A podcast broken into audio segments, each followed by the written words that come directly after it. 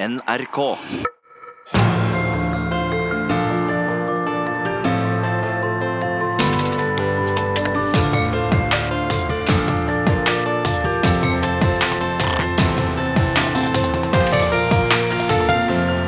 I disse dager melder den ene profilerte kvinnespilleren etter den andre overgang til utenlandske fotballklubber fordi vilkårene der er bedre enn i Norge. Hvorfor er fotballbanen en så vanskelig arena å vinne kjønnskampen på? Ja, Velkommen til disse dager i NRK P2, der vi i dag tar for oss en av samfunnsarenaene der biologisk kjønn legger premissene, nemlig i idretten og særlig i fotballen. For eh, medan idretten påtar seg oppdraget med å bidra til å jamne ut skilnadene i samfunnet, er skillet mellom hannkjønn og hokjønn sjelden så tydelig som mellom herre- og kvinnefotballen.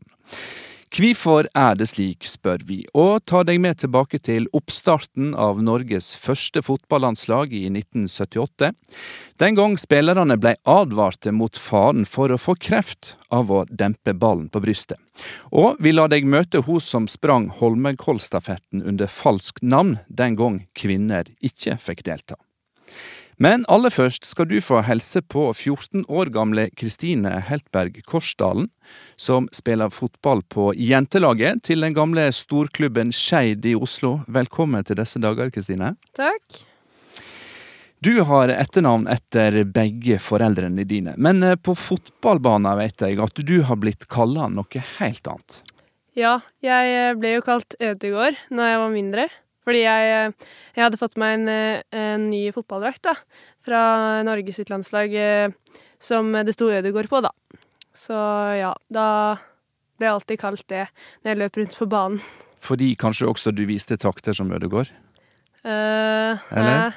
Jeg, var, jeg, jeg, jeg, tør å si at jeg var, var ganske god når jeg var liten, ja. ja. Og du er ganske god enda, for du spiller både på Skeid og du spiller på eh, Krinslaget. Eh, men du hadde plakater med Martin Ødegaard, eh, Messi og Ronaldo hengende på jenterommet ditt. Hvorfor var det bare mannlige forbilder? Eh, når jeg var liten, hadde jeg jo ikke engang hørt om damespillere, og at liksom det var noe stort, da.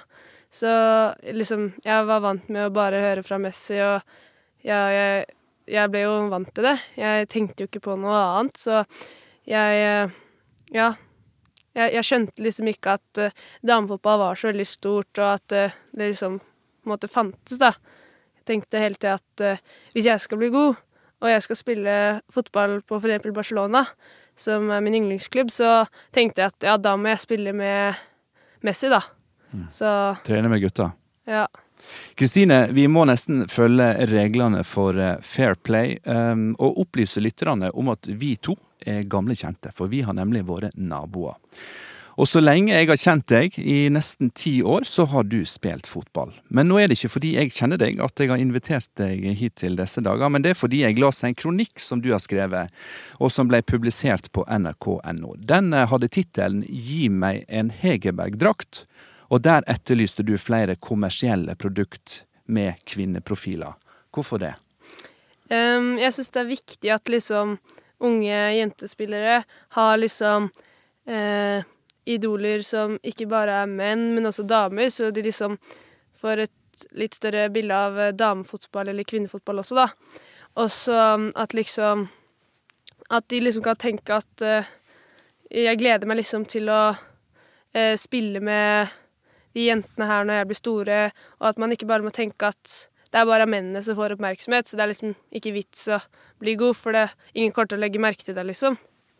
Men eh, på hvilken måte, Kristine, merker du at du spiller jentefotball og ikke guttefotball? Uh, jeg merker det på veldig mye forskjellig. Til og med på skolen. Hvis vi taper en kamp dagen før, og guttene har fått med, med, seg det, så er det jo med en gang Ja, eh, vi hadde lett slått dem, får vi kommentarer av uh, guttene, og liksom Det er jo uh, Det er jo ikke likt gutte-jentefotball, eller dame- og herrefotball, fordi det er liksom Ja, det er jo noe helt annet, men det er jo fortsatt like bra, og det viktigste er at man har det gøy, og at ja, man Men koser seg. Men på hvilken måte er ressursene fordelt ulikt mellom guttespillere og jentespillere? eh, jeg, eh, liksom det, det, jeg, I hvert fall før så var det veldig mye mer oppmerksomhet, mer oppmerksomhet på menn. Og um, det gir jo liksom et bilde på at det, det, er de som er best og alt sånt der. Damene er jo også veldig gode, og liksom eh, Jeg føler at det, det, blir også litt teit hvis liksom eh, mennene skal få så veldig mye mer lønn, når det er jo akkurat det samme. Fotball er fotball, liksom. Og ja. Men så. i den klubben du spiller for, Skeid, eh, blir guttene prioritert høyere enn jentene, slik du opplever det? Det vil jeg nå tørre påstå, men uh, uh, ja, det, det, blir det. Men det er jo litt bedre. Uh, men ja, det er nok det. Vi skal si hei og velkommen til eh, ei av de som du strekker deg etter, Kristine. Nemlig Lillestrøm og landslagsspilleren Therese Sessi Aasland. Velkommen til disse dager. Takk, takk. Kjenner du deg igjen i det som Kristine forteller her? Ja, jeg er jo Min barndomsklubb er jo Viking, eh, og vi fikk uh, ubrukelige treningstider på klokka ni om kvelden. Eh, og vi fikk ikke drakter eh, eller shortser eller sokker, det måtte vi fikse sjøl. Eh, så det var jo veldig mye økonomiske ressurser som foreldrene våre, av oss som spilte, som måtte få fatt i. Og jeg spilte jo med guttelag òg, men fikk ikke lov å spille kamper, fordi da tok jeg en gutteplass, mm. istedenfor at de så på meg som en fotballspiller. Så der var det jo mye internt da, med å prøve, fordi jeg var jo på en måte god nok til å spille med dem, men siden jeg var jente, da, så tok jeg en, en gutteplass. Mm. Jeg har hørt om klubber der, eh, der lyset på banen blir skrudd av når jentene kommer for å trene etter at guttene har trent, for at klubben skal spare penger. Er det historier som du kjenner deg igjen i? Jeg tror ikke vi hadde flomlys i min tid. Nei. Eh, jeg tror det var eh, vanlig lys, men det var jo en egen sånn bryter, husker jeg, så du kunne slå av og på. Men eh, heldigvis så tror jeg eh, vi skrudde det på når vi trente, og så var det bare å skru det av igjen etterpå. Mm. Men jeg har jo hørt lignende historier. Therese, du er 23 år gammel. Du spiller, spiller vanligvis for Lillestrøm, og du debuterte på landslaget i fjor. Du har seks kamper bak deg, forberedelse ett mål, så vidt jeg vet. Mm. Kristine eh, her, eh, som har planer om å eh, ta en plass på landslaget, hun etterlyser kommersiell profilering av kvinnelig idrettsidol. Ville det hjelpe på statusen for, i dette tilfellet, kvinnefotballen? Ja, jeg tror jo at sånn som nå i VM òg, så var det mye større mediedekning enn det har vært noen ganger tidligere. Eh, og TV 2, NRK og Nettavisen Aftenposten, alle sto jo på rekke og rad hver eneste trening eh, for å få tak i oss. Eh, og jeg fikk jo høre òg at Norge var en av de flinkeste til å stille opp hele veien på intervjuer og eh, ting som de ønska. Eh, men jeg tror liksom du må få opp og fram i lyset, og det var jo mange i etterkant òg som har sagt til meg at Og veldig bra at dere ble promotert i media hele veien nå i VM, men det er jo sånn det burde vært hele veien. Og når toppserien har runder, f.eks., så står det jo ofte bare om noen lag. De ramser jo ikke opp alle. Eh, og jeg mener jo at det er viktig å få fram alle lagene.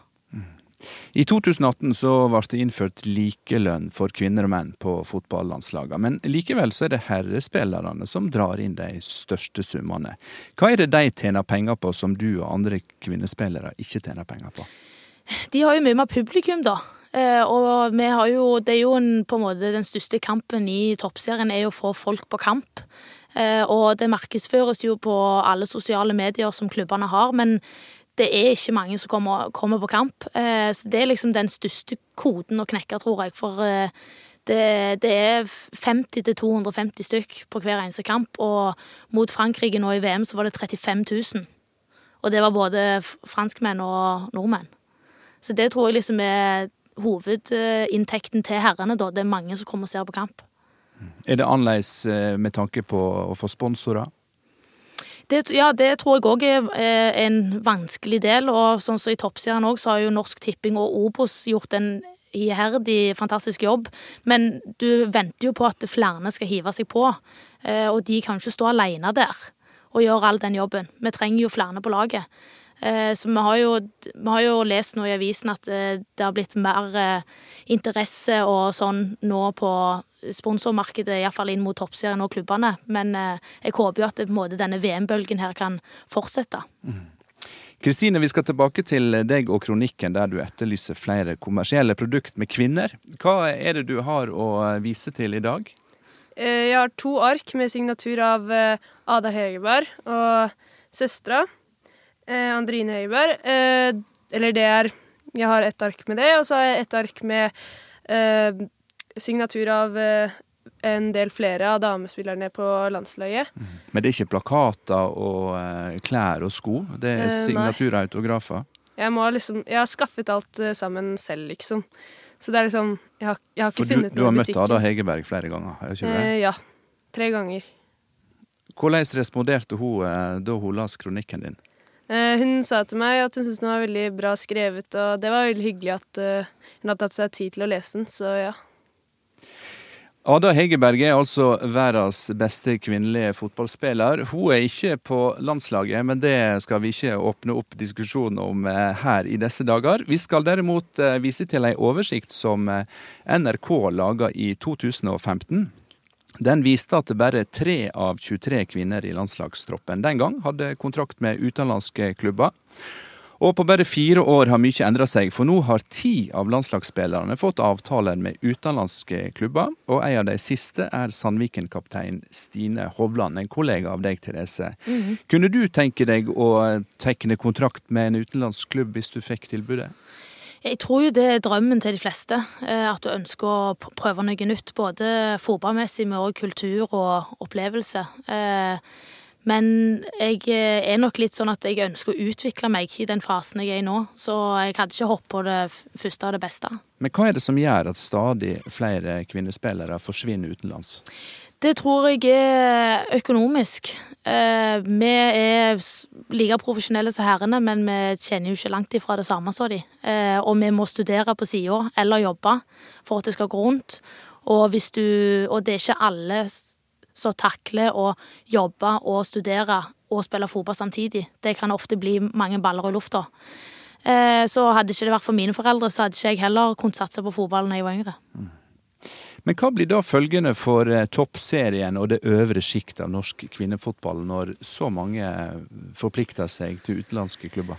Nei, det er jo ikke bra for ligaen. Eh, fordi at de flere og flere profiler eh, forsvinner jo ut. Så, men derfor tror jeg òg det er bra at vi har gått, eller neste år at det er ti lag. Fordi at det kan spisse serien enda mer. Men selvfølgelig, vi må henge på nå, toppserien. Hvis ikke så tar jo alle de andre ligaene eh, kjempesteg forbi oss. Mm. En hører jo ofte at jenter gir seg når de har kommet til et visst nivå, for å heller satse på utdanning, og du refererer til at en må jobbe i tillegg til å skape seg en fotballkarriere i Norge. Eh, betyr det at det ikke er mulig å leve av profesjonell fotball i Norge i dag? Eh, ikke sånn som ting er nå, tror jeg. Eh, du, du, må ha hjelp hjemmefra. Eh, og hvis du studerer da, så får du jo studielån, som òg kan hjelpe på. Men jo, det blir jo gjeld. Du skal jo betale det tilbake igjen. Men det er den måten for å få det til å gå rundt. Mm. Kristine mm. her, hun har jo eh, store ambisjoner, eh, har hun fortalt. Hun vil også på landslaget når den tida kommer. Hva råd vil du gi til en, en jentespiller på 14 år? Eh, det å ha den indre motivasjonen til å ønske å nå så langt du kan. Eh, og jeg skjønner at oss jenter ofte tenker konsekvenser på utdannelse, og at ting skal være litt sånn flink pike-syndrom, da. Men at du bare følger drømmen din, og at du får støtte, støtte hjemmefra. Så kommer du til å bli dritgode. Hørtes det greit ut, Kristine? Eh, Enkelt ja. og greit? Mm. Eh, før du forsvinner ut, Therese, vi skal senere i sendinga ha med mm, en av lederne i Norges eh, idrettsforbund for å snakke om eh, likestillings, det likestillingsarbeidet de driver der. Hva hilsing vil du legge igjen til første visepresident i Norges idrettsforbund? At de skal gjøre hverdagen i toppserien mye bedre for alle spillerne. Sånn at vi både kan eh, heve nivået på toppserien generelt, i tillegg til at unge jenter som Kristine kan se at det er framtid der foran. Ja, da får vi ta med oss den eh, og høre hva svar vi får. Tusen takk skal du ha, Therese Sessi Aasland fra takk. Lillestrøm og landslaget. Kristine, du skal få eh, komme tilbake mot eh, slutten av sendinga når du har hørt på eh, de diskusjonene som går fram til da. Takk skal du ha enn så lenge. Du hører NRK P2.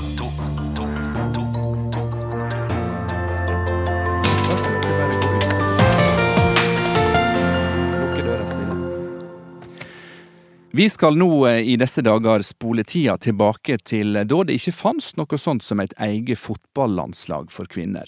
For eh, selv om vi nå har hatt et eh, kvinnelandslag som kom til kvartfinalen i VM, og tidligere har hatt et lag som vant OL, og at verdens beste kvinnespiller er norsk, så er det fremdeles slik at skilnadene er store mellom kvinner og menn i idretten. Og fotballbanen er en arena der kjønnskampen fremdeles pågår, men stillinga er på ingen måte 1-1 ved pause. La oss nå se på dette med historiske briller på, og sier velkommen til oss Per Pettersen, tidligere fotballspiller for Frigg og landslaget. Du har vært en utrettelig pådriver, Per Pettersen, for kvinnefotballen, og du var den første treneren for det første kvinnelandslaget i fotball som ble etablert i 1978, altså 41 år siden. Hvordan blei den ideen mottatt, at damene skulle få sitt eget landslag? Ja, det var jo en uh, lengre prosess, uh, og det var jo liksom ikke gjort over natten, dette her. Uh, nå hadde damefotball eksistert kanskje med morokamper i over 50 år, før vi kom fram til 1970. Eh, men i 1970 så skjedde det noe. Eh, det var også et, eh, et slags opprør mot autoritære tanker. Og, og, og kvinnefrigjøring var i skuddet. Og, og, det at jenter og damer skulle spille fotball, det ble etter hvert mer og mer populært. Til å begynne med så var dette her håndballspillere, rett og slett som var med i det som vi kalte for et uoffisielt NM, som ble arrangert av Frigg, da med drahjelp fra Dagbladet. Men det var stort sett håndballagene som da på sommeren brukte dette her som en moro oppkjøring til sin sesong. Uh, og håndballag som Vestar og disse her hadde ballspill inne og, og presterte bra på fotballbanen relativt sett. Men det var, eh, det var skeptiske røyster, Per Pettersen. Det ble til og med advart mot de helsemessige følgene det kunne få for kvinner å spille fotball? Ja, det er helt korrekt. Altså, det, vi ble motarbeidet, kan du si, så snart det liksom gikk opp for folk at her mener man alvor og ønsker at jentene skal ha det like gøy som gutta med fotballen. Eh, så ble det motarbeidet ganske kraftig, og Norge hang etter. Eh, mens resten av Skandinavia spilte nordisk mesterskap eh, i fem år før Norge ble med på det i 1978. Hva slags helsemessige følger var det? Det ble motarbeidet uh, uh, altså i pressen. når De skjønte at dette her er, mener i alvor. Og så kom det all verdens da henvisninger til leger om at her fikk man brystkreft hvis man eh, dempet ballen på brystet, her ble man hjulbeint osv. Det var altså helseargumenter og det var en hel rekke andre argumenter som ble brukt uh, nokså usaklig mot at kvinnefotballen skulle få lov å bre seg. Men Per Pettersen, du arbeider uten lønn det første året som landslagstrener. Var dette ei satsing den gang, eller var det et slags eh, politisk pliktløp? Eh, nei, det, det, var jo begynnelsen på en satsing. Men du sier at jeg arbeidet uten lønn. Det er jo fordi at Nicolai Johansen, som var generalsekretær i Fotballforbundet den gangen, han sa Per, du må huske at dette er en honorærjobb. Jeg syns han sa en honorarjobb. Ja. um, Så, så, så, litt tilfeldigheter var inne og gikk her, men jeg syns dette var såpass morsomt at uh, de tre kampene som vi gjennomførte i 1978, viste jo at vi var allerede på det tidspunktet, etter noen ganske få treninger, nesten på høyde med både Sverige og Danmark og Finland. For den første landslagskampen som kvinnene spilte, det var eh, i det landet du nå befinner deg, eh, Per Pettersen, nemlig Sverige. Og laget du trente tapte 2-1 eh, 7.7.1978. Var det likevel litt av en siger, dette, eller var det et bittert tap? Nei, på ingen måte. Og det var heller ikke Sverige. Vi spilte i Kolding i Danmark. Det var altså nordisk turnering der. Eh, og vi møtte Sverige i åpningskampen og tapte 2-1. Men det, var, det, å spille jevnt mot Sverige, det var jo eh, Alle var veldig godt fornøyd med det. Og at vi tapte 2-0 for Danmark eh, var vi også fornøyd med. Og vi tapte knepen for Finland. Vi hadde regna med langt større nederlagssifre eh, og var veldig i tvil om hvor vi sto på det tidspunktet. Men fikk altså et svar på at vi var i nærheten av skandinavisk topp.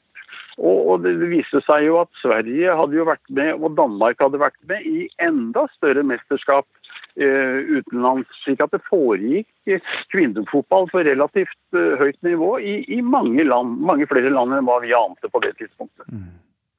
Og så har det gått eh, drøye 40 år siden en starta et eh, fotballandslag med håndballspillere som trengte sommertrening. Hvordan kommenterer du kjønnskampen i fotballen eh, i løpet av denne tida, Per? Nei, altså, Jeg må jo si at uh, det har vært en, en, tøff kamp. Og at man har blitt motarbeidet uh, mange, fra mange hold. Og noen fotballkretser eh, har jo vært veldig langsomme med å liksom komme i gang med eh, serier for jenter og kvinner. Eh, og i løpet av de fem årene jeg holdt på med landslaget, så, så, så ble det litt kretsserier her og der. Eh, det kom inn kretsserier etter hvert, men regionale og, nasjonale serier det, det fantes jo ikke før enda seinere. Kvinnelandslaget fikk sin første kvinnelige trener først i 2009, eh, altså bare for ti år siden. Hvorfor tror du det tok så lang tid at eh, de fikk sin kvinnelig trener på kvinnelandslaget? Ja, det hadde vel sin årsak i at Eh, det gjaldt å få fram eh, kvinner som hadde den eh, riktige bakgrunnen. og det, det sier seg jo sjøl at det, det, tok litt tid. Fotball er en erfaringsidrett, og, og de måtte bli gamle nok til å få den utfordringen. En kan jo spørre seg hvorfor det er så stor eh, skilnad i status mellom landslagene i eh, håndball og i fotball. Hva tenker du håndballforbundet har gjort som har greid å gjøre kvinnelaget enda mer populært og vinnersterkt enn det en har greid med kvinnelandslaget?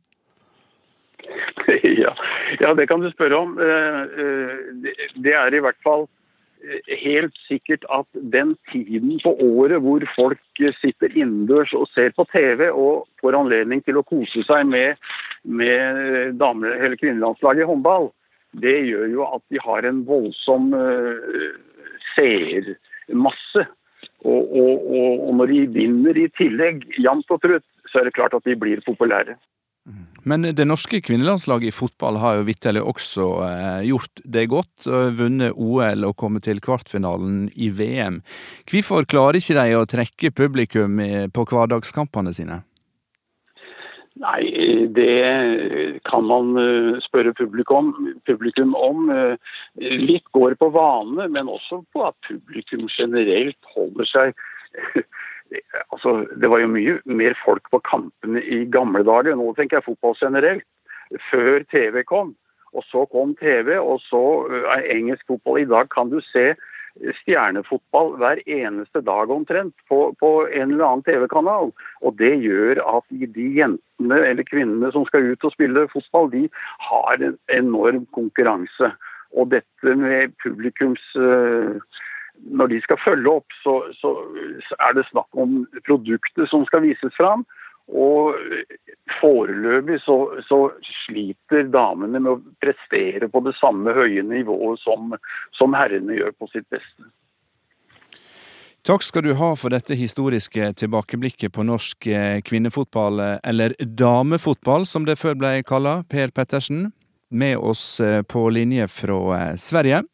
Det har vært en lang vei fram fra den spede starten i 1978 til kvartfinalen mot England i VM i juni. Og så er spørsmålet hvorfor er det slik at det i deler av idretten er akseptert at biologisk kjønn skal få legge premissene? Nå skal vi gå forskningsmessig til verks i disse dager. Du hører NRK P2.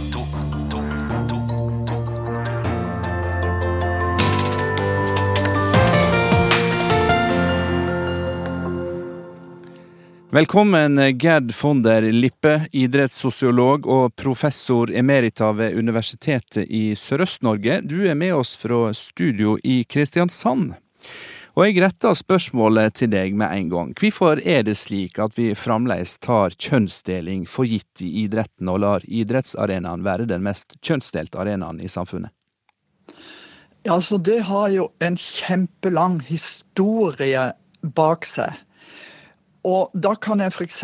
bare nevne de idrettene som ble kalt for maskuline, hvor kvinnene ikke måtte være med, bl.a. fotball, så skal jeg si noe om kvinnehopp. Fordi at eh, lokale ledere de var mye mer radikale og moderne enn de sentrale.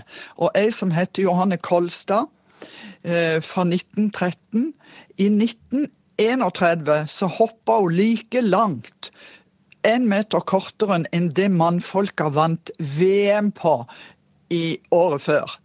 Hun fikk ikke lov til å hoppe i Holmenkollstafetten, og lederen av Skiforbundet sa vi vil ikke dra kvinnelik ned fra Holmenkollen. Hm.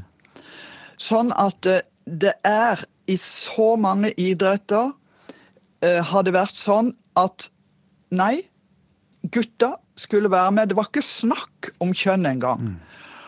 Og, men så, hva gjorde hun da? Hun reiste faktisk til USA og ble kalt Queen of Skis, The Wonder Girl.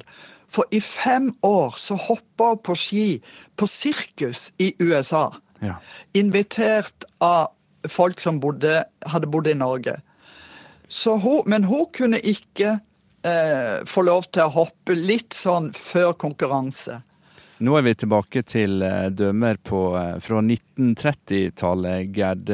Hvordan ja. ser dette bildet ut i dagens Idretts-Norge, sett med dine sosiologbriller? Jo, det er sånn at de idrettene hvor det nå er likestilling, Altså kvinner kan tjene like mye som menn, og de får like stor oppmerksomhet i eh, media. Så, vi, så, er det blitt fighta fram. Ikke først og fremst av idrettsledelsen, men av lokale ledere. Og eh, vi har jo da Dere nevnte eh, håndball, som har hatt eh, flere kvinnelige medlemmer enn mannlige som bevisst satsa i 76 på kvinnene, det er det som må til. Og det er ikke så mange idretter som gjør. Og, men altså positivt. Du har jo håndball, du har friidrett, du har svømming. Du har idretter i dag som har satsa på likestilling. Eh, Gerd, ja. vi har til nå snakka veldig mye om skillnaden mellom kvinner og menn eh, på fotballbanen, men eh, hva andre idrettsgreiner mener du skiller seg negativt eh, ut? Ja, det er jo skihopp. Nå har vi endelig kvinnene fått lov å være med i de store konkurranser. VM og OL. Men de har jo altfor få konkurranser. Så der Og du så jo eh, at de blir nesten ikke sponsa. Så det som gjelder i fotball på sponsing på kvinner, det gjelder også i skihopp. Og så har du også bryting. Der må de satse skikkelig på kvinnene. Fordi at eh, det er flere nå som ønsker å bryte. Og så må media de, det er flest mannlige journalister, så må de se at de må skrive litt mer om disse idrettene. Akkurat når det gjelder VM og OL og vi får en vinner, så skriver de. Men eksempel Jorid Hovden og jeg hadde en undersøkelse i 2016 i januar om hva de skrev eh, om forskjellige idretter, og da var kvinneidretten eh, minst ti ganger mindre enn eh, kvinnefotballen, minst ti ganger mindre enn mannsfotballen. Sånn at eh, jeg vil også rette fokus mot eh, media, for det er jo forbund, media og sponsor. Det er den triangelen der som må samarbeide og ville gjøre noe. Da skal vi eh, ta med oss eh, den problemstillinga og servere den til Leif Welhaven, sportskommentator i VG. Velkommen. Takk. Hvordan eh, forvalter du og dine kollegaer i sportsredaksjonene den rolla og det ansvaret dere har for å løfte fram kvinneidretten? Jeg tror det avhenger litt av uh, hvilket uh, perspektiv man uh, legger på det. Altså, det er ingen tvil om at idrett utøvd av herrer har en altså, større andel av spalteplassen enn av kvinner. Jeg tror det er enda skjevere i mange andre land enn i, i Norge.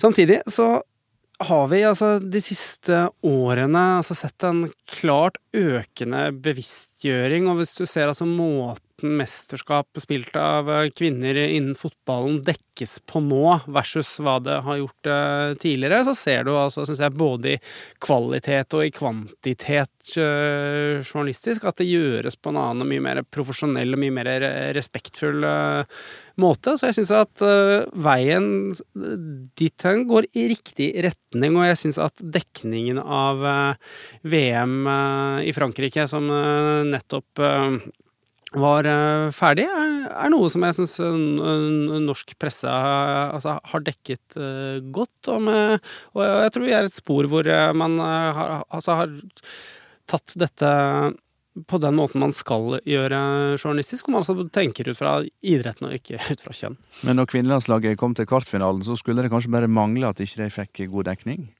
Ja, det er jeg helt uh, enig med deg i. Og det er jo ikke sånn at man altså vi har vunnet, Må ikke bli helt historieløse. Det er jo ikke sånn at da Norge vant uh, OL-gull, uh, f.eks., at det ble for, altså forbigått i, i, stillhet. Men jeg, men det er vel noe av dette som handler om altså profilbygging, eh, altså for, for, eksempel, som er ganske avgjørende for eh, interessen. Så syns jeg ser en utvikling i, eh, altså i, riktig retning. Men er fotballjentene mindre attraktive enn fotballguttene, for å kalle det mediemessig sett? Altså jeg tror nok at uh, det er uh, når, når det gjelder interessen der ute, og det er liksom på, på, tvers av kjønn, så er jo de, største, de fleste av de største profilene der ute er menn. Det er det ingen tvil om, og så er det mange ulike grunner til det. Og det er ganske mange sikkert høna og egget-problemstillinger der ute. Men uh, altså, du har et uh, stykke igjen før de beste kvinnelige fotballspillene har samme altså, interessen blant publikum som du har rundt uh, Messi og Ronaldo, for eksempel. Så tror jeg liksom, spørsmålet er hva skal du Altså, hvor skal du legge lista? Hva skal du samme, altså hva skal du sammenligne det med? Og så er bildet mer sammensatt enn som så. Hvis du ser på langrenn, for eksempel, så tror jeg ikke du kan se noe forskjell i det hele tatt. Altså Therese Johaug og Marit Bjørgen er ikke Jeg tror du skal, du skal lete godt etter å se at, er, at for eksempel der er noen forskjell i hvordan man, altså, man blir eh, vektet. Men det som jo er ut, litt av utfordringen der, som er, som, er, som er, krevende, er jo selvfølgelig at uh, Altså at interessen i hverdagen f.eks. ikke er helt uh, den samme. Det var jo man også inne på, altså inne, inne på, på, tidligere her, og den koden har vel ingen helt klart å knekke. Mm. Ja, for det, mange snakker jo om årets uh, VM i Frankrike som et gjennombrudds-VM. Eh, det var veldig mange tilskuere på tribunene. Det var veldig mange TV-seere verden rundt som så på kampene, og det var flere store klubber som brukte høvet til å satse hardt på kvinnefotball. Men nå er det nå engang slik at det er hverdager det er flest av. og de er mer triste og grå for fotballjentene enn sirkus i Frankrike. Ja, og Det er en kjempeutfordring, og ikke minst også når da flere og flere av de største profilene forståelig nok søker seg til utenlandske klubber hvor de får bedre økonomiske betingelser, så risikerer man jo å tappe et uh, produkt så, altså, som foreløpig altså, har slitt med å hevde seg markedsmessig. Og Vi har jo skrytt av håndballen før her, men det er jo litt tendenser til det samme også der. Altså Det er en fest eh, en gang i året nærmere jul som er blitt en sånn norsk tradisjon hvor alle er, eh, altså er opptatt av, av, eh, kvinner som spiller håndball. Og det, når mesterskapet er over, så er det jo ikke sånn at altså, klubbkamper med en del av de samme spillerne nødvendigvis tiltrekker seg så fryktelig mange, verken tilskuere eller uh, avislesere. Så og der merker man vel at altså, det gjelder jo All idrett sliter med en at vi lever i en tid hvor altså kampen om oppmerksomhet er så stor, og tilbudene er så mange på hva man skal bruke tiden sin til. Og her er det ingen enkle fasitsvar på hvordan man skal klare å øke attraktiviteten, men jeg tror at noe av det viktigste hvert fall er at man må jobbe med eh, rammebetingelser og gi altså, spillerne mulighet til å altså, bli uh, så, så, gode som mulig. Og det handler om å få en praktisk hverdag til, altså til, å fungere, som gjør at man orker å stå i karrierene lenger. Og her tror jeg altså at det, det har vært en positiv utvikling i, altså i Fotballforbundet, men det er fortsatt, altså mye, det er fortsatt mye Eh, å gå på. Og så er spørsmålet hvor går liksom grensen mellom altså hvor markedsattraktiv man altså skal være i et, altså i et, fritt marked, versus hvor mye altså noe altså skal, altså skal, bygges opp fordi det tas eh, ansvar uavhengig av eh, sponsormarkedet. Du skal få være med videre, Leif Welhaven, når vi etter hvert tar inn den politiske ledelsen i Norges idrettsforbund for å høre hvordan eh, de vurderer situasjonen. Vi skal nå tilbake til eh, Gerd von der Lippe i studio i Kristiansand. For du har jo, Gerd, ei fortid som friidrettsutøver, og du var spesialisert på sprint. Og du har også kjempa en kjønnskamp i idretten. Kan ikke du ta oss tilbake til 1972 og rabalderet du skapte under Holmenkollstafetten den gang? Jo, eh, da var jeg student, og vi eh, trente var en gjeng som trente sammen. Og leste sammen og festa sammen.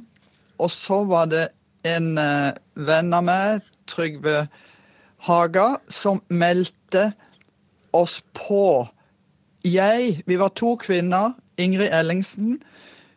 Eh, under I. Ellingsen hun var ikke på landslaget, så de visste ikke så veldig hvem det var. Men jeg var på landslaget, og da ble jeg valgt under Øyvind Foss. Det var presten som via oss. Og det var i 72, og da var det jo også EF, som det het, kamp. Og uh, hos oss så var vi vel uh, Veldig mange var nei til EF, men vi hadde også to som var ja til EF. Og vi to kvinnene løp ved nei til kvinnediskriminering. Så vi kan vel kalle det litt sånn uh, blanding anarkistisk.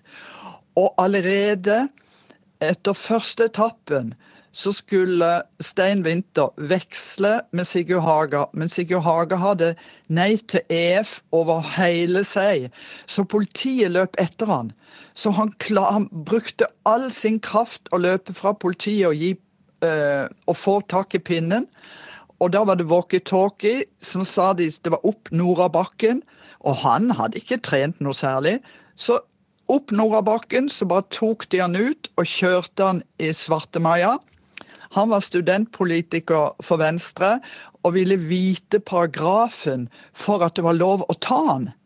Og politifolka rota og så fant ja, så sier han ja, men det er jo bare pinnen ditt her, og ikke meg. Og nå har det jo forsinka meg så mye, og laget kan dere kjøre meg til endeetappen? Og politifolka de gliste, og de gjorde det. Og så løp vi med en blomst. Så når jeg, når jeg var ikke siste etappe, men det var jo stor forvirring blant uh, Tjalve, som leder dette her. Og det ble masse skriverier i etterkant, og da ble jeg faktisk kasta ut av landslaget. Og det svei. Mm. Så eh, Men For du sprang faktisk under vi... For du sprang faktisk under pseudonymet til, til presten fordi det ikke var lov for kvinner Ja. å delta i Holmenkollstafetten. Ja. Og dette er jo da eh, Ja. drøyt 45 år siden. Så litt forbedring har det jo vært for eh, kvinnekampen i norsk idrett. Ja. Kan jeg si noe? For i tre år så jobba vi for at kvinner skulle bli med i Holmenkollstafetten. Og i 1975 så ble vi med, og det som var litt gøy, det var at Tyrving, det laget jeg løp på, vant. Så da var det noen som var veldig sure, og noen som var veldig glad. Takk skal du ha, Gerd von der Lippe, idrettssosiolog og professor emerita, med oss fra studio i Kristiansand. Tusen takk for at jeg fikk være med. Det kjønnsdelte idrettslivet er tema i disse dager, og til nå har vi snakka mye om skilnadene i satsinga og profileringa av kvinner og menn i fotballen, men også innen andre idrettsgreiner er kjønnskampen pågående og på ingen måte avslutta.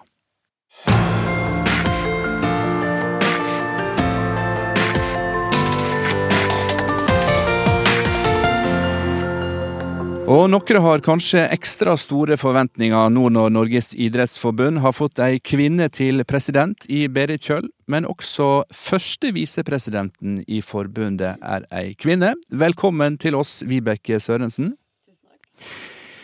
Ifølge ei opptelling som Dagbladet gjorde i fjor høst, så er fire av fem OL-gull som er vunnet de siste 30 åra, vunnet av herrer med det norske flagget på brystet. Hva syns du om den statistikken? Det er klart, Når vi får presentert den statistikken, så høres det ut som det er eh, veldig mange menn som har eh, vunnet. Eh, ser vi litt bredere på statistikken og litt mer bak tallene, så ser vi også noen positive tendenser. Eh, går vi fem år tilbake til OL i Sotsji, så ser vi at eh, 50% av totalen av alle medaljer ble vunnet av kvinner. Av totalt 26 medaljer vi fikk i Sotsji, så var 13 vunnet av kvinner. Samtidig tar vi til, selvfølgelig til oss de, det tallene viser på kvinnesiden i olympiske gullmedaljer, og jobber seriøst og fokusert for å bidra til at vi får flere kvinnelige ø, olympiske gullvinnere fremover. Ja, for det er jo resultater som teller i idretten, og resultater viser altså at fire av fem OL-gull er tatt av menn.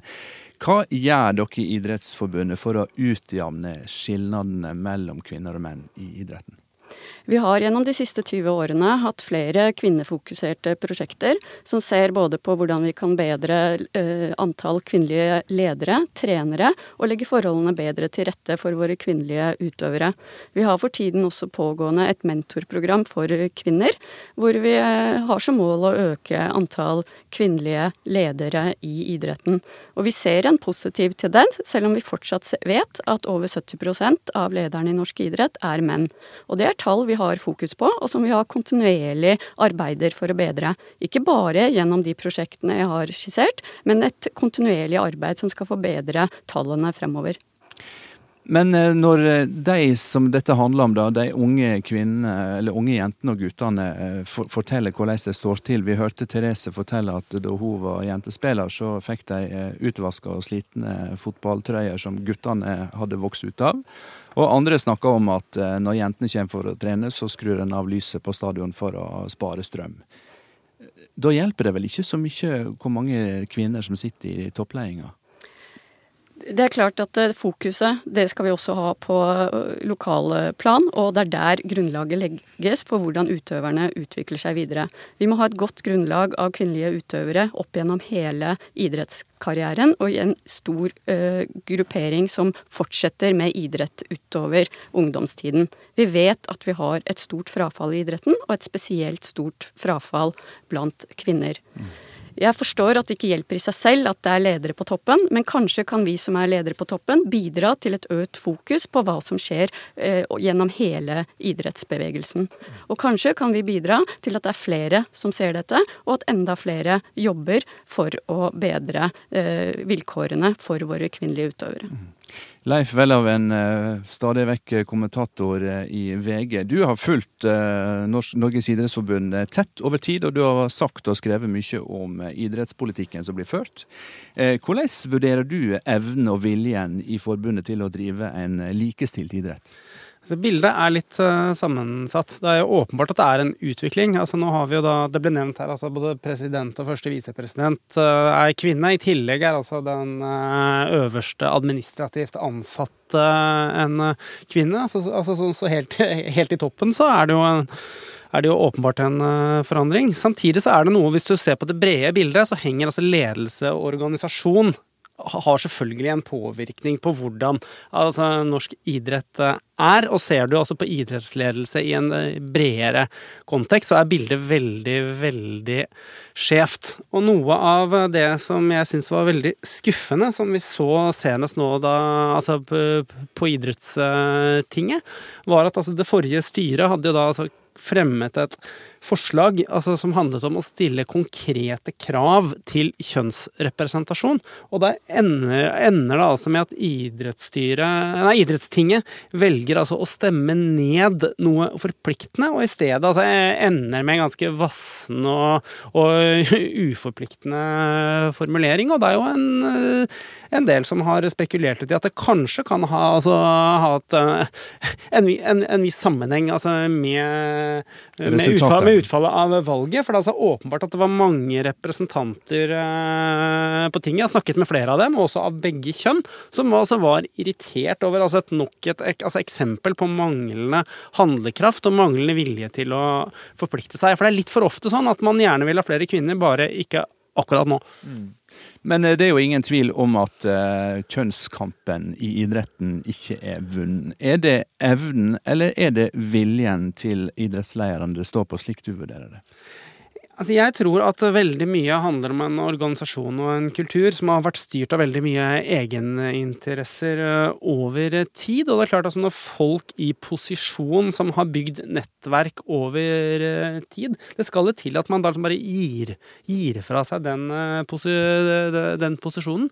Og sånn som nå så har manifestert seg altså lenge, så har du altså et nettverk hvor de tyngste posisjonene på særforbundsnivå f.eks., også på, altså på krets ledernivå er, altså er, besatt av menn, og det er ikke gjort altså, over natten å forandre den uh, kulturen. Og da blir det jo fort at man altså, rekrutterer i den, samme, i den samme andedammen, så her er det ikke noe enkel fasit. Vibeke Sørensen, er Idrettsforbundet ei tungrodd skute hva gjelder likestilling? Jeg opplever det ikke slik. Jeg opplever at vi jobber eh, seriøst eh, for eh, en likestilling i idretten, både i toppledelsen, men ikke minst også nedover i, i organene våre. Og det lov, forslaget som Welhaven refererer til, var et lovforslag som falt.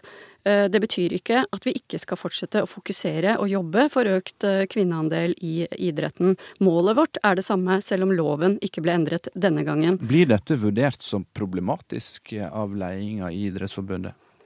Jeg tror det er et større problem hvis ikke viljen er der. Og jeg mener at viljen til å gjøre noe med dette er like stor, selv om det som sagt denne gangen ikke ble et lovforslag. Jeg opplever en stor øh, vilje gjennom hele organisasjonen for å bedre øh, kvinnedeltagelsen øh, på ledernivå. Men mest av alt mener jeg at behovet er å øke kvinneandelen blant de aktive. Det er jo de vi jobber for. Og et utfordring er det frafallet vi har blant eh, kvinnelige utøvere i ungdomsalderen. Og et annen utfordring vi har, er å få flere kvinnelige trenere. Vi vet at over 50% av våre kvinnelige trenere slutter i 40-årsalderen fordi eh, forholdene ikke legger så godt til rette for å kombinere kanskje en trenerkarriere mm. med et eh, familieliv. Mm. Og det er en utfordring vi har som er større enn kun for idretten. Vi hørte Therese Aasland snakke om at det ikke går an å, å leve som profesjonell kvinnelig fotballspiller fotballspiller i Norge. Og mange idrettskvinner etterspør økonomisk eh, støtte, oppfølging og etterutdanning som gjør det tryggere å satse på ei idrettskarriere. Flere andre land, mellom de Tyskland, Italia, Frankrike, Østerrike og Sveits, har statlig støtte til talent som er gode nok. Eh, er det noe en eh, kunne vurdert i Norge òg? Absolutt, og det er jo noe olympiatoppsjefen har fokusert på lenge. At våre toppidrettsutøvere eh, har eh, dårlige økonomiske vilkår. Og flere av dem lever jo under fattigdomsgrensen. De som er våre beste utøvere og olympiske vinnere i tradisjonelle norske grener, de har god økonomi pga. gode sponsoravtaler. Men det er veldig mange utøvere som har gode, nei, dårlige økonomiske vilkår. Og da kanskje er det vanskeligere for kvinner med dårligere økonomiske vilkår å fortsette å satse på idrett idretten enn det det er for menn. Det, det ser vi, at de kanskje har eh, andre tanker. Og det er ikke like pre prestisje å fortsette med idrett som kvinne når du må ofre så mye for å fortsette en slik karriere. Nå er du første visepresident i Norges idrettsforbund. Du har tidligere vært president i Norges skøyteforbund, og du var første kvinne i det vervet. Eh, og der, som i andre idrettsforbund, så er det diskusjoner om hvor en, hvor en skal putte pengene. Eh, mellom annet diskusjoner om satsing på eh, stjernene, hadde nær sagt landslaget, versus breddeidretten. Og argumentet er da at ved å satse på stjerner, så får en mer penger igjen i form av sponsorer og slike ting.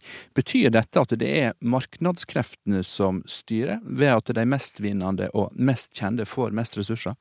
Ja, Det er helt riktig at dette som skøytepresident så sto man i denne balansen og denne, disse vurderingene av hva man skulle satse på, og, det, og dette ble satt opp mot hverandre. Og det er forventninger, det er eh, mål om å ta at våre beste utøvere skal prestere eh, på topp. Eh, det er det som skaper interessen, det er det som skaper eh, sponsorinteressen og eh, midlene. Så mye penger går til toppidretten for at det skal kunne ta inn midler, som vi da også kan dele ut til de andre utøverne for å skape god bredde, og igjen toppidrett. Så det er en sammenheng mellom eh, hvem som blir profilert og løfta fram, og hvem som drar inn penger? Det er det. Velhaven, du sitter jo eh, med mye makt i så måte fordi du eh, har ei viktig stemme som sportskommentator i VG. Er du bevisst eh, på, på ditt ansvar, i den grad du mener at det er ditt ansvar? Altså, det går alltid an å diskutere i hvilken grad uh, altså pressen har ansvar uh, for uh, hva. Men jeg opplever vel at, altså, for å svare for, altså for, min egen del, som du spør meg om det, at ja, altså, problemstillingen knyttet altså, til idrett og kjønn er veldig viktig å, å løfte fram, medens mange, mange fasetter. Og der syns jeg også at i kjølvannet av fotball-VM har kommet fram ganske mange interessante perspektiver i diskusjonen. Og så er det noen av eh, disse konfliktene som også tidvis kanskje blir fremstilt litt mer sjablongaktig enn en, en det virkeligheten eh, viser seg eh, å være. Så jeg opplever vel også at de siste årene, at også fra et pressefaglig hold har vært en økt bevisstgjøring rundt dette. Men det betyr ikke at vi er flinke nok til eh, å dekke dette på den måten vi skal. Vi kan helt sikkert eh, bli bedre, vi også. Men jeg tror at egentlig Og der har egentlig idretten og pressen og samfunnet noe altså, til felles. Der tror jeg at det vi har sett i det siste fotball-VM, faktisk forhåpentligvis kan få noen, altså, noen positive ringvirkninger. At vi altså, i større grad ser på idrettsutøvere som idrettsutøvere per deff, og er mindre opptatt av kjønns, kjønnsdimensjonen og differensieringen der. Nå har vi i denne sendinga hørt om den spede starten til kvinnelandslaget i fotball, som da bestod av håndballspillere. Vi har hørt om da det ikke var lov for kvinner å springe Holmenkollstafetten.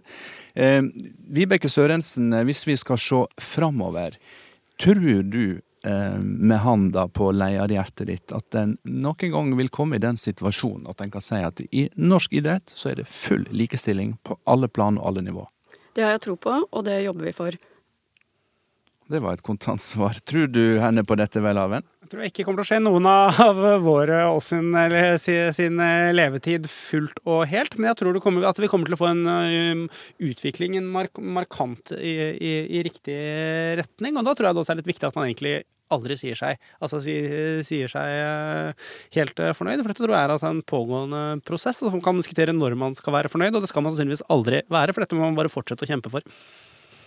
Jeg er helt enig. Det er selvfølgelig en sammensatt problemstilling, men man må ha troen, og man må jobbe for det. Og vi trenger selvfølgelig hjelp fra media, vi trenger hjelp fra sponsorer, vi trenger hjelp fra samfunnet til å bidra til at idretten blir en fullstendig likestilt arena i vårt samfunn. Og nå har vi attpåtil hatt temaet oppe til eh, diskusjon. Her i disse dager så får vi se om det har nok positiv eh, effekt. Eh, tusen takk skal dere ha, Vibeke Sørensen, første nestleder, første visepresident i Norges idrettsforbund, og Leif Welhaven, sportskommentator i VG. Du hører NRK P2.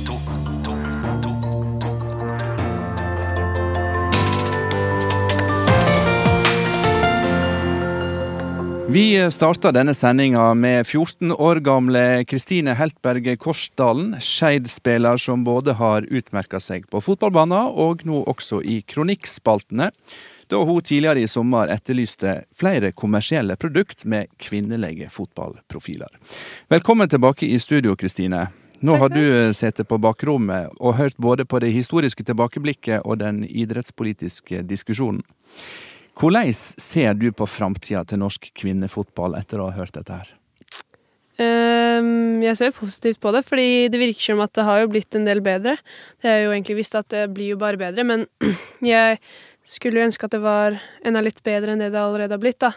Men jeg tror nok det kommer til å ordne seg etter hvert, for ja, det blir jo som sagt bare bedre og bedre, så det er bra du er optimistisk, eh, fordi det kan du trenge, Kristine. Du spiller nå på Skeid og på kretslaget, men du har store ambisjoner. Du nevnte tidligere i sendinga at Barcelona var yndlingslaget ditt, og ja. der vil du ha en plass. Ja, det er jo drømmen, det. Så Men eh, ja, det er jo kult at vi har jo til og med spillere fra landslaget som eh, har blitt kjøpt opp av Barca, så det er jo kult. Da, det er jo muligheter til det. Da er det bare å kjøre på. ja, Betyr det at eh, det kan tenkes at det nettopp er ansiktet ditt som vi kommer til å se på plakater og kommersielle produkter en vakker dag? Jeg håper jo det, så vi får se. Den som lever eh, får se. Vi skal følge med deg, eh, Kristine Heltberg Korsdalen. Takk for at du var med i disse dager. Takk for at jeg fikk komme. Vi runder av eh, denne utgåva ved å si at eh, reportere var Ragnhild Vartdal og Anders Lone Fosse. Teknisk ansvarlig var Åsgeir Elgenes Knutsen. Produsent i dag var Ola Solheim. Og jeg heter Håkon Haugsbø. Og bli glad for tilbakemeldinger eller innspill til tema du mener vi bør ta opp i disse dager. Da kan du sende oss en e-post på disse dager krøllalfa nrk.no. Vi sier takk for følget.